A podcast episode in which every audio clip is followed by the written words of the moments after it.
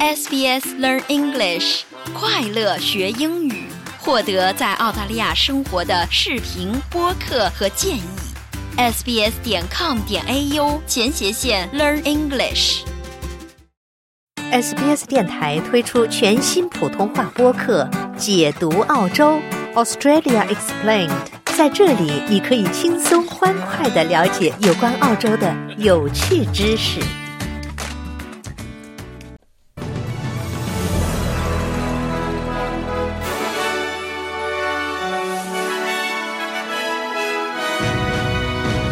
民进党候选人赖清德赢得台湾总统选举。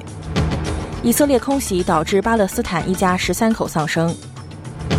西澳洲澳大利亚皇家空军基地出现火情。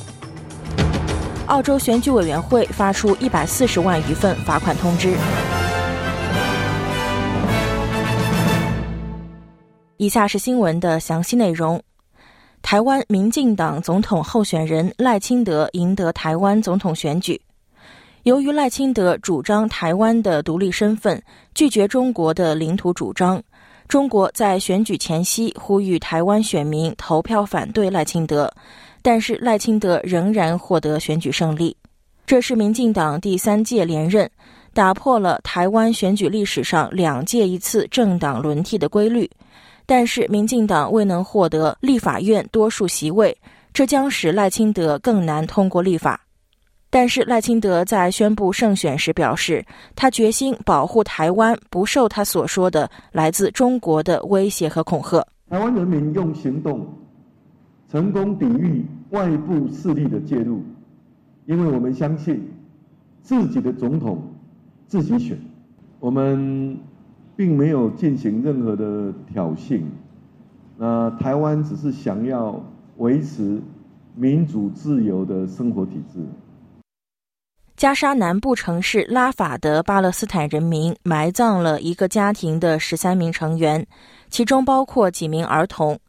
此前，以色列的空袭击中了流离失所者避难的房屋。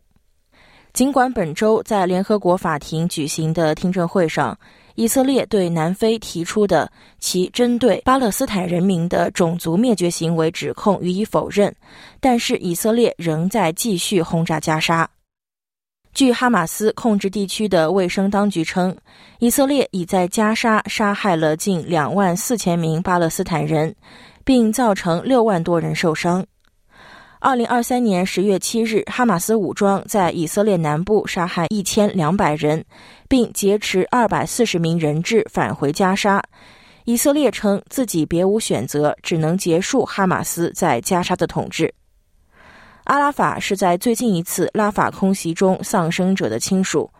他在谈到家人时，指着一张照片说：“照片上是一名在爆炸中丧生的两岁女童。”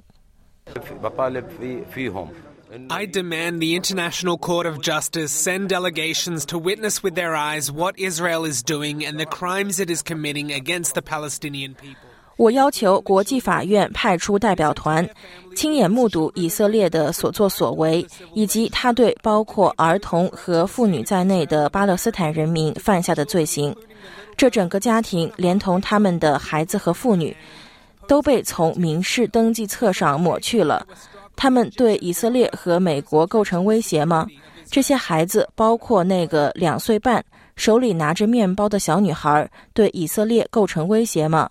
他们在埃及边境被击中的地点对以色列的安全构成威胁吗？您正在收听的是 SBS 中文普通话节目。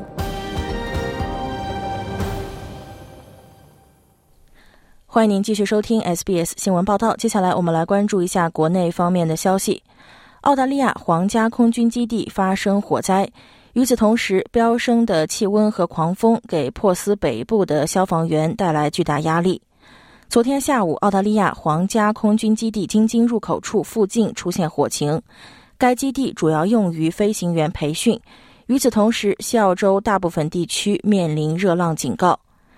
由于担心条件变化和该地区的房屋，该基地及其以北和以东地区发布了观察和行动警报。这场火灾是西澳洲万纳鲁和奇特林地区的四场重大火情之一。奇特林附近一场未受控制的大火仍对生命和财产构成威胁。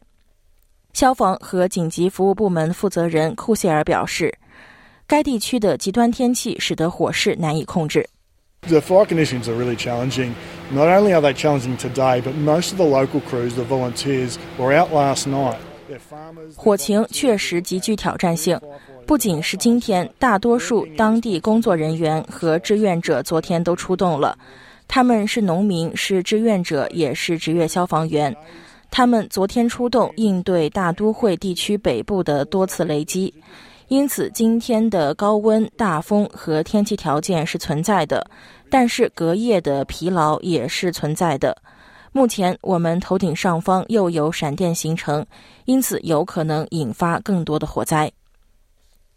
澳大利亚选举委员会已经开始向一百四十万人发出罚款通知。这些民众未能在去年的议会原住民之声公投中投票，并且未提供正当有效借口。二十澳元的罚金总额约为二千八百万澳元，但是未缴纳罚款者的罚金将会增加。在接下来的一个月内，任何未缴款或者是无法证明自己有正当理由的人，都将面临最高超过三百澳元的罚款，外加诉讼费用。但是有些人告诉 SBS 新闻，他们认为罚款还不够重。Twenty dollars is a bit ridiculous. Like if you're going to find someone, make it a fine. I think there'd be a lot of people who 有人说二十澳元有些荒唐。如果你要对某人罚款，那就罚款吧。我认为有很多人根本不在乎。还有人说，我认为最近的全民公投对每个人来说都非常重要，所以我认为二十澳元的罚款是不够的。布朗是澳大利亚研究所民主与问责项目主任，他表示，选民处罚制度需要进行彻底改革，根据个人的日收入进行罚款。The fine that's attached when you don't vote has been losing its power since it was set at twenty dollars. 不投票时附加的罚款已经失去了效力。自二十世纪八十年代以来，罚款额一直为二十澳元，从未提高过。来关注一下国际货币市场。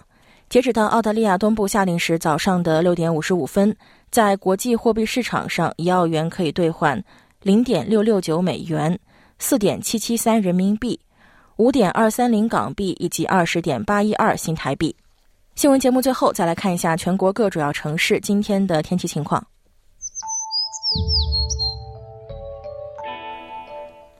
悉尼阵雨，雨势渐强，最高温度二十七度；墨尔本多云见晴，最高温度二十四度；布里斯班阵雨，最高温度三十度；堪培拉时有阵雨，最高温度二十三度；阿德莱德多云见晴，最高温度三十度；珀斯晴间多云，最高温度三十六度；达尔文有雨，可能有暴风雨，最高温度二十九度；霍巴特多云见晴，最高温度二十度。